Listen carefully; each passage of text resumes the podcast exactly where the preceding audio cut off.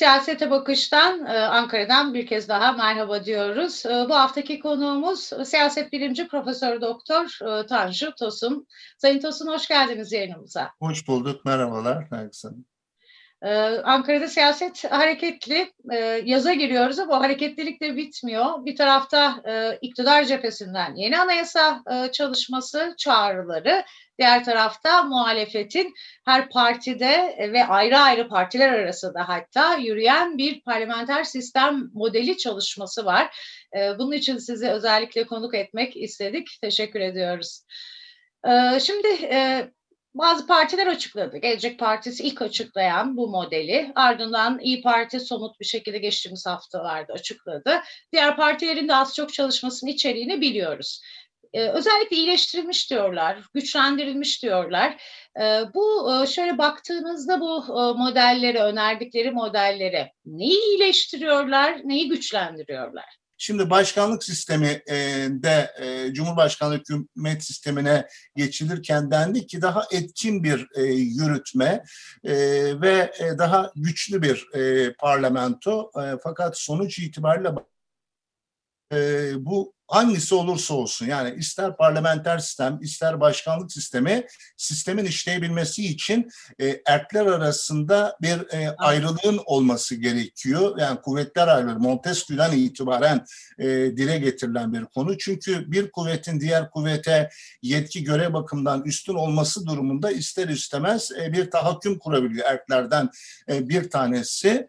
Ee, şimdi bu erkler arasında bir denge olsun, bir denge denetlemenin e, olması e, amacıyla e, güya kurgulandı Cumhurbaşkanlığı hükümet sistemi ve daha etkin, daha işleyen bir e, sisteme e, geçileceği e, umuldu. Ama 3 e, yıllık performansa dikkate aldığımızda özellikle mevcut e, Cumhurbaşkanlığı hükümet sistemi bu muhalefet partilerinin de e, dile getirildiği gibi özellikle ne etkin işleyen bir kamu yönetimi e, siyaset ne de vesayetten arındırılmış bir e, siyaset e, inşa e, etti. Dolayısıyla işlemeyen, etkin, verimli, üretken olmayan bir e, kamu e, bürokrasi, bir e, yürütme ve yürütmenin e, tek şahısta toplanmasının e, yol açtığı e, aşırı e, derecede e, vesayetçi bir e, yapı. Buna karşılık parlamentonun e,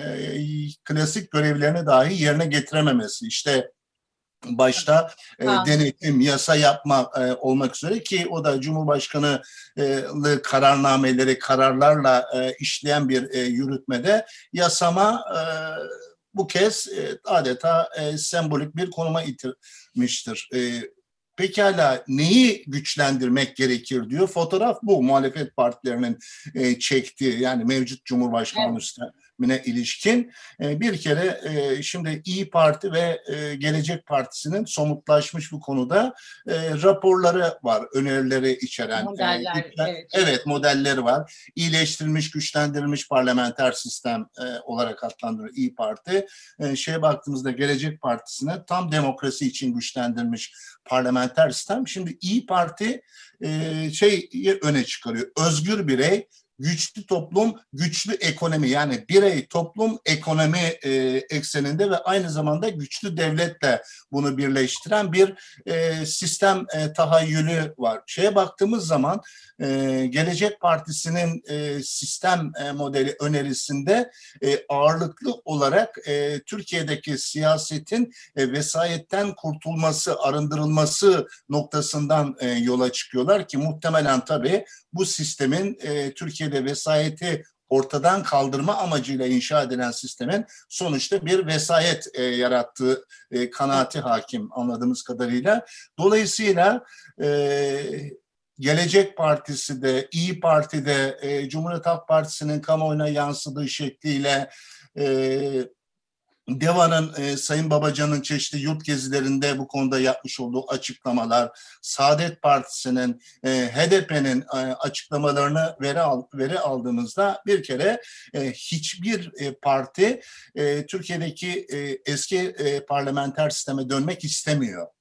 Ama eski parlamenter sistemin yerine yine parlamenter sistemi içinde kalarak meclisi özellikle yürütme karşısında güçlü kılacak. Çünkü asıl iradenin tecelli ettiği yerin meclis olduğunu düşünüyorlar. Aynı zamanda e, yürütme meclis içinden çıkacak ve meclis içinden çıkan yürütmeyi yasama etkin bir biçimde denetleyecek. Çünkü denge ve denetleme olmadığı takdirde işte o kuvvetler ayrılığı ister başkanlık sisteminde olduğu gibi sert ya da parlamenter sistemde olduğu gibi yumuşak olsun denetim olmadığı takdirde kuvvetlerden birinin diğer üzerinde tahakkümü ya da birkaçı e, üzerinde şu anda yürütmenin hem yasama hem yürütme evet. üzerinde bir e, tahakkümü var. O takdirde sistem e, işlemiyor, vesayet e, öne e, çıkıyor. E, bırakın e, çoğunlukçu demokrasiyi, demokrasi bile illeberal bir e, karaktere, otoriter, rekabetçi bir e, niteliğe bürünüyor. Bütün e, muhalefet partilerinin buluştuğu nokta evet etkin işleyen bir kamu yönetimi, genel anlamda bir sistem ama yasamanın işlevsel anlamda güçlü, yürütmeyi denetleyebileceği ve bütün bunun üzerinde de Türkiye e, siyasal kültüründe ve siyasal sisteminde çok önemli olan Cumhurbaşkanlığı Kurumu'nun e, partizanlıktan arındırılmış tamamen bağımsız, evet. tarafsız e, ülke ve işte millet, devletin birliği bütünlüğünü temsil eden bir e, aktör olarak kurgulanmak isteniyor. İktidar hep diyor işte bu koalisyonlar yaratıyor, istikrarsızlık getiriyor. Bunu nasıl çözecekler? Burayı nasıl güçlendirecekler? Önerilere Şimdi, baktığınızda. E, burayı e, güçlendirmeye bir kere e, özellikle bizim gibi e, sosyal bölünmelerinin çeşitli olduğu çoğulcu toplum yapılarında e, müzakere ve diyalog yerine e, tek merkez, tek erk üzerinden e, bir sistem e, kurduğunuz takdirde denetim olmayınca işlemiyor. Açık veriyor. Bu açık sadece demokrasi açığı ya da demokratik e, gerileme değil. Kendisini ekonomide de hissettiriyor. Toplumsal hayatta da. Şimdi 80 öncesi ve 90'lı yıllardaki en büyük eleştiri özellikle hükümet istikrarsızlığı e, noktasındaydı. Evet. Niye? Çünkü e, meclisin denetim araçlarından güven oyu, gen soru gibi mekanizmalarla hükümetler düştüğünde yerine bir hükümet kurulamıyor. Dolayısıyla bir hükümet istikrarsızlığı ortaya çıkıyor. Hükümet istikrarsızlığı da siyasal istikrarsızlığa yol açıyor. Evet. Şimdi e, benim e, bu sistem modelleriyle ilgili partilerin çalışmalarında gördüğüm kadarıyla e, DEVA'da da gelecekte de e, İyi Parti'de de muhtemelen Cumhuriyet Halk Partisi'nde de e, dünyada en iyi bilinen e, örnekler bir Almanya, bir İspanya'da yapıcı güvensizlik oyu mekanizması var.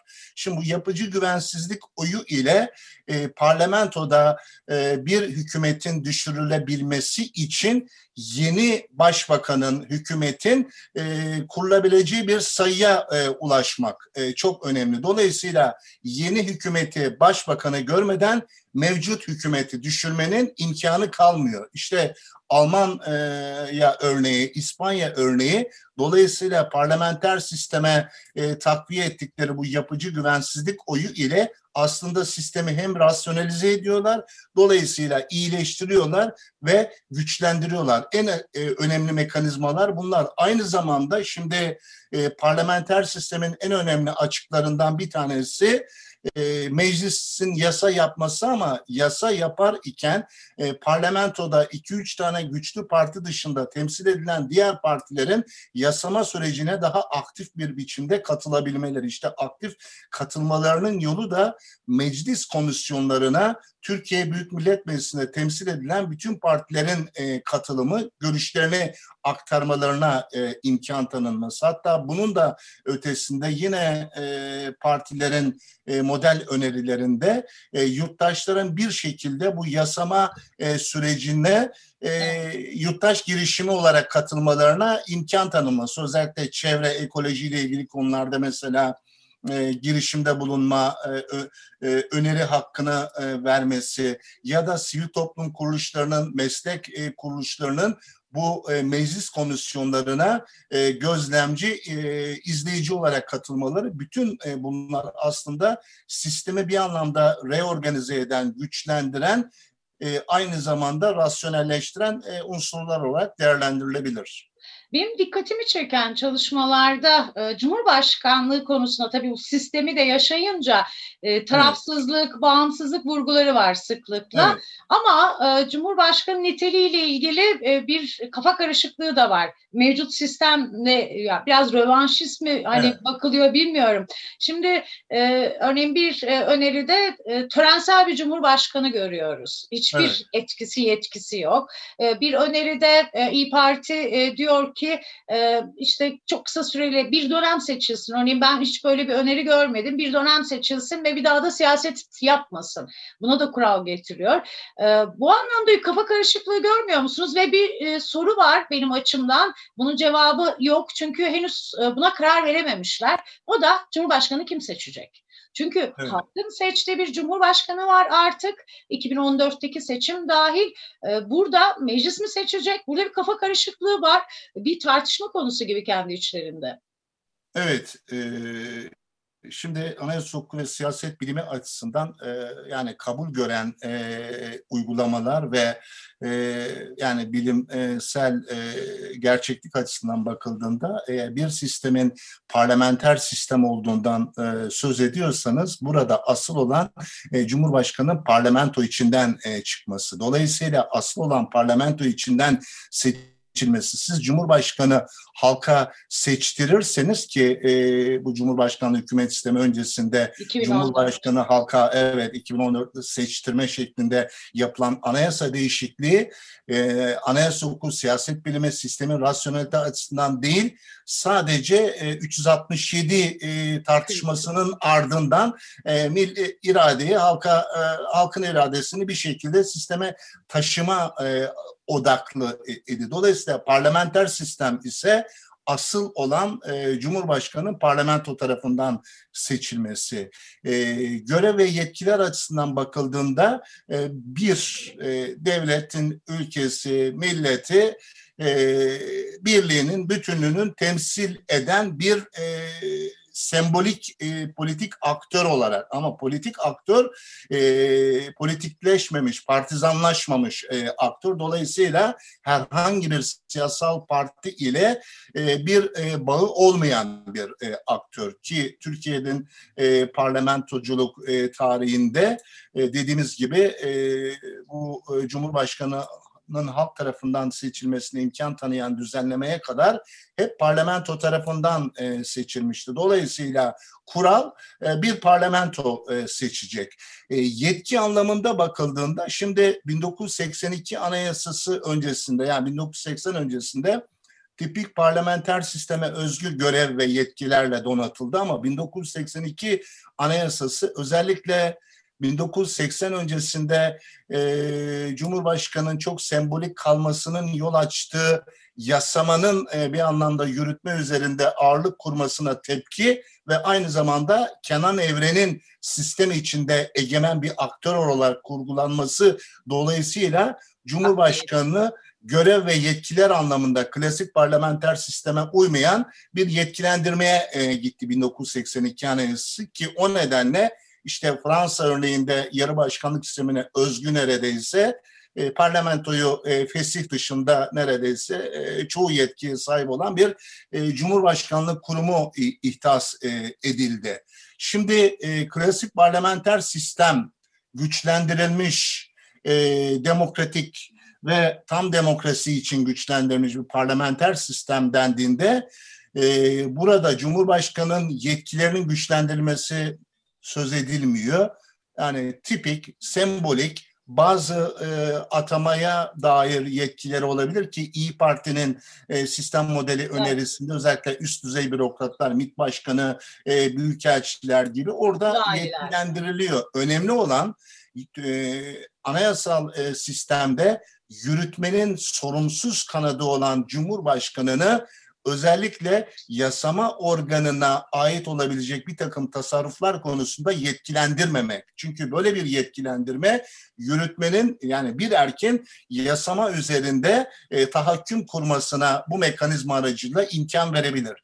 E, bir dolayısıyla şey seçimi yani parlamento seçimi görev süresi açısından bakıldığında e, evet e, İyi Parti 6 yıl ve bir defa öngörüyor. Evet. E, Gelecek Partisi de e, ilginç. O da 7 yılı öneriyor. 7 yıl ve bir kez e, öneriyor. Şimdi e, klasik parlamenter sistemlerde ortalama olarak e, devlet başkanının görev süresi 4 ya da 5 yıl. Bunun e, istisnaları var mı? Mesela Ermenistan bir defa 7 yıl için e, seçiyor Cumhurbaşkanı. İrlanda iki defa 7 yıl için seçiyor. İtalya sınırsız 7 yıl için seçiyor. Rusya'da iki defa 6 yıl. Tabii Rusya tipik parlamenter sistemde değil. Finlandiya 6 yıl. E, ilginçtir mesela Gürcistan 2018-2024 arasında 6 yıl, 2024'ten sonra ise 5 yıllık bir görev süresi e, tanımlamış. Evet, e, parlamenter sisteme dönülecekse 4-5 yıllık bir süre e, yeterli olmayabilir. Ya tek dönem kuralıyla süre uzatılabilir ya da e, 4 yıllık bir süre içinde iki dönem e, kuralı e, getirilebilir. Yani burada e, İyi Parti ve Gelecek Partileri böyle bir e, öneride bulunuyorlar. İlginç olan benim İyi Parti'de bir kadın olarak da dikkatimi çekti tabii. Ee, üst kurullarda e, kadın e, Anayasa Mahkemesi'nde, e, TMSF gibi e, çeşitli üst kurullarda Türkiye'de yetki karar mekanizmalarında kadın konusunda sıkıntı var. Toplumun yarısını oluşturuyor ve örneğin üniversitelerde işte Avrupa'yı yakalamış kadın sayısı, profesör sayısı. Avrupa, Amerika eşit neredeyse ama işte kaç tane tane kadın rektör desek bulamayacağız. E, bu noktada da devlet mekanizmasına bir anlamda kota koymak. Bu öneriler var. E, bu, bu önerileri nasıl değerlendiriyorsunuz? Benim çok ilgimi çekti. Yani kota konacaksa kota yerine fermuar e, sistem benimsensin o zaman birebir olsun. Yani eşit sayıda e, olsun. Yoksa en az ifadesini e, kullanarak yani onun üstüne çıkılma e, yolu e, açık e, tutuluyor. Çıkılabilir de. E, bu biraz şeyle ilgili tabii. Yani e, kimler e, bu e, partilerin e, sistem e, önerisi modellerinde e, görev aldı? Muhtemelen ağırlıklı olarak e, erkekler. E, erkekler de maalesef lütfetmişler de biraz sayı arttırmışlar ama yani Türkiye'ye e, yaklaşan e, eşit temsil diye e, düşünüyorum ben. Yani Anayasa evet. Mahkemesi üyeliğinden Hakimler Kurulu, Savcılar Kurulu'nda yine diğer üst kuruluşlarda nüfusun yarı yarıya kadın ve erkek diye bölünmüş olduğu bir ülkede ve bu ölçüde e, nitelikli eğitimli kadınlarımızın bulunduğu bir ülkede e, tam eşitliğin olmaması için kanımca bir gerek yok. Evet, bu da bir yaklaşım aslında bizim de talebimiz bu yönde olur hani e, kadın bir gazeteci evet. olarak da.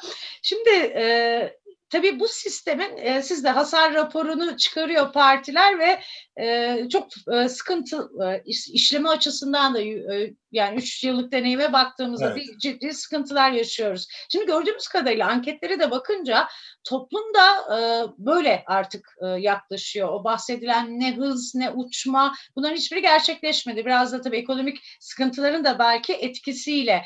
Anketlerde yüzde 65'leri bulan neredeyse örnekler var. E, sizce e, toplum e, nasıl karşılıyor? Bu anketleri siz nasıl yorumluyorsunuz? Evet. Örneği olmayan bir şey yaşıyoruz biz bir de. Bu başkanlık sistemi de hani siz bu konuları çalışıyorsunuz. Örneği evet. de olmayan bir sistem deniliyor hep.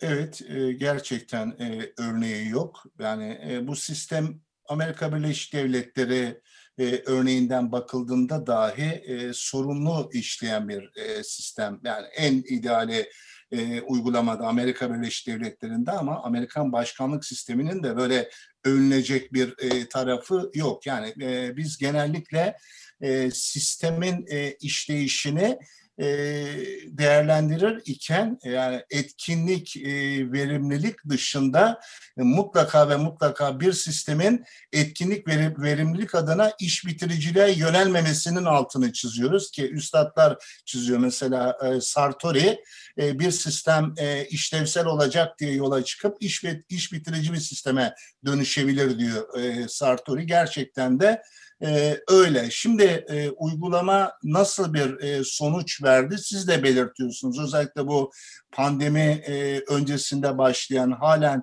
süren e, ekonomik e, krizin e, yol açtığı e, sorunlar e, Türkiye'de başkanlık sistemi dönemine denk geldi. Dolayısıyla bu aynı zamanda bir sistemle e, ilgili bir sorun diye bir algı oluştuğunu düşünmeye başlıyordum ben. Yani seçmen öyle düşünüyor e, muhtemelen. Eskiden parlamenter sistem uygulanırken bu ölçüde bir e, krizle Türkiye karşılaşmamıştı. Çünkü e, yani seçmen e, ağırlıklı olarak e, 1980 e, sonrasında e, bakıldığında e, yani 40 yaşında falan oluyor. E, 1980'de doğanlar bile. Dolayısıyla 1970'lerde parlamenter sistemin işleyişindeki aksaklıklar ya da 90'ların ikinci yarısındaki aksaklıkları da dikkate almadan yakın dönemde ne yapıyor? 2002'de e, AKP iktidara geldi sene 2021. 2002'den 2018'e kadar parlamenter sistem uygularken nasıl bir tablo vardı? Şimdi nasıl bir tablo var? Onu değerlendiriyor. Çok net tablo. E, ben e, şeye baktım. Mesela e, son günlerde e, Türkiye'nin durumu bu konuda değerlendiriliyor. Sefalet endeksi. Sefalet endeksi e, bir ülkede yıllık enflasyonla işsizlik e, oranlarının toplama. Dolayısıyla e, genel anlamda bakıldığında e, bu yıl itibar yanılma 2020 itibariyle sefalet endeksi e, anlamında en kötü dört, dördüncü ülke yanılmıyorsam Türkiye. Pekala e, 1961'den bugüne bu sefalet endeksine baksak yıl yıl baktım ve 60 yılın ortalaması enflasyon artı işsizlik 40.6 Türkiye e, için. AKP ortalaması 2003'ten e, alıyoruz tabi. 2003'ten 2020 dahil 21.2. Pekala parlamenter sistemde nasıl? 19.8 başkanlık sisteminin uygulandığı 3 yılda 28.2 yani sefalet endeksinde AKP'nin parlamenter sistemli yıllarıyla karşılaştırıldığında son 3 yıllık başkanlık sisteminde 10 puan sefalet endeksinde artış var. Muhtemelen bu artış gündelik hayatta e, seçmenler yaşıyorlar ve bu artış aynı zamanda başkanlık sisteminin aleyhine doğru bir algının oluşmasına ve bunun da bir kanaate e, dönüşmesine etkili oluyor diye düşünüyorum. Ama bu bir sınav değil miydi? İşte bu kadar hızlı karar alabileceksiniz. Ee, bunun için biraz da getirildi bu sistem. Ee, çok rahat her kurumu yönetebiliyorsunuz, hızlı karar alabiliyorsunuz. Önemli bir sınavdı. Bu sınavda peki o zaman başarısız mı oldu aynı zamanda? Yani evet bir sıkıntı, ekonomik sorunlar ama. Evet. Ee, şimdi e, yani Türkiye e, kamu e, yönetimi, kamu bürokrasisi aslında e, yani çok köklü gelenekleri olan bir işleyiş mantığı olan, ağır işleyen ama sonuçta işleyen bir e, bürokratik sistem e, idi. Yani yürütmenin bürokrasi ayağından bakıldığında, yargı örneğinde e, bakıldığında da e, yani yargının yürütmeyle olan ilişkisinde parlamenter sistem içinde yasama organı bir şekilde yürütme bir adım atmaya çalışsa bile kendine çekme yönüne yasamanın müdahalesi e, söz konusu e, idi ve bütün sistem bütün sistem yürütmenin e, başındaki politik aktör yani e, bir siyasi partinin genel başkanına göre kurgulanmış olduğu için ne denge oluyor ne denetleme oluyor. E, böyle bir e, sistem denetime kapalı olduğu için dengenin olmadığı, hesap vermenin e, olmadığı, hesap sormanın da özellikle rejimin e, otoriterleşmesine bağlı olarak neredeyse kapandığı e, bir şekilde e, bir e, durumda ister istemez bu sistemin e, olumlu dışsallık üretmesi mümkün e, değil e, idi. E, zaten e, bu biraz e, ekonomi politik açısından bakıldığında Türkiye'nin e, kıt kaynaklarını bütün mesele e, daha katılımcı, daha uzlaşmacı, müzakere tarzı, parlamento içi hatta dışındaki partilerin de katılımıyla temel meseleler konusunda bir değerlendirme yapılsa çok daha e, demokratik ve e, pozitif bir takım dışsallıklar üretilebilir. Hayır öyle bir şey yok. E, tek şahıs üzerinden işleyen bir sistem ki e, bu e, siyaset bilimi literatüründe aynı zamanda e, patrimonyalleşmiş bir sistem. Yani e, seçilmiş olan da atılmış ol, e, atanmış olan da merkezdeki tek politik aktöre e, akrabalık ilişkisiyle, hısımlıkla, hemşerilikle, iş arkadaşlığıyla vesaireyle e, bir şekilde e, konekte e, olunca ister istemez sistem kendi kendisini eleştirme ve düzeltme, e, yenileme imkanlarından yoksun kalıyor. Bir de parlamento içinde e, muhalefetin yürütmeyi denetleyebilecek mekanizmaları olmadığı takdirde böyle bir tablo ortaya çıkıyor. Yani ekonomi çok iyi olsa bile olsaydı dahi pandemi yaşanmasaydı dahi bu sistem sorun üretecekti. Yani sistem sorun mu? üretecek bir kere e, yani dünyadaki uygulamalar bunu gösteriyor. Sistemin doğası gereği. E, işte e, Pirzavorsky, Alvarez e, siyaset bilimcilerin e, 140 ülkeyi e, kapsayan 1950-90 dönemini içeren bir araştırmalarında e, şu e, bulguya ulaşıyorlar. E, parlamenter sistem e, e, kıyasla ekonomi e, performansı e, düşük e, olduğunda başkanlık sistemleri en fazla 24 yıl yaşıyor. Dolayısıyla e, buna karşılık e, şey e, parlamenter sistemin ömrü 143 yıla e, çıkabiliyor. Yani aralarında e, neredeyse 6-7 kat hükümet ömrü anlamında, sistem ömrü anlamında bir e, açık var. Her koşulda buna şeyi de eklediğimizde e, yani e, uzlaşma kültürü, e, siyasal kültürde e, müzakere, siyasal katılım kanallarının çokluğu, sivil toplumun varlığı, yokluğu e, yani Türkiye e, muhtemelen bu e, sistem bağlamında dünyada en kısa ömürlü bir cumhurbaşkanı ya da başkanlık sistemine sahip olacak ülke gibi görünüyor. Ancak şimdi e, seçimler e, olacak. E, tabii bir anayasa değişikliği yapılmak zorunda ama bu sistemde seçime gidilecek. Mevcut parlamento yapısıyla bir değişiklik söz konusu değil. Bu sistemde seçime gideceksiniz. Birçok senaryo konuşuluyor. Bunlardan biri işte Cumhurbaşkanlığı seçimini örneğin muhalefet alsa ama mecliste bu anayasa değişikliğini sağlayacak çoğunluğu sağlayamazsa. Böyle bir durumda bu sistem içinde bir revizyon bir e, uygulamadan kaynaklı niyetlerde değişiklikle hani bir geçiş hükümeti işte bütün genel başkanların olduğu kabinede hani böyle bir sistem e, kurulabilir. Sanki böyle olacak gibi. Bu durumda bu düzeltilebilir mi? Bu sistem içinde bir çıkış, bir anayasa değişikliği yapılamazsa ne olacak? Bu bir evet. senaryo Ankara'da konuşulan. Evet, evet. Şimdi tabii burada temel husus tabii bir anayasa mühendisliği olarak planlandı. Şunu da belirtelim yani dünya örneklerinde başkanlık seçimiyle parlamento seçiminin aynı anda yapıldığı e, bir iki ülkeden bir tanesi Türkiye. Bu kasıtlı olarak yapıldı çünkü. Niye kasıtlı olarak yapıldı? Bir şekilde e, seçmen tercihlerinin parlamentodaki çoğunlukla başkanı seçecek çoğunluğun farklılaşmasını istenmediği için yapıldı. Bu çok net. Ama görünen e, o ki e, yani seçmen tercihlerinde e, bir e, yeniden mevzilenme ya da kümelenme ortaya e, çıkıyor.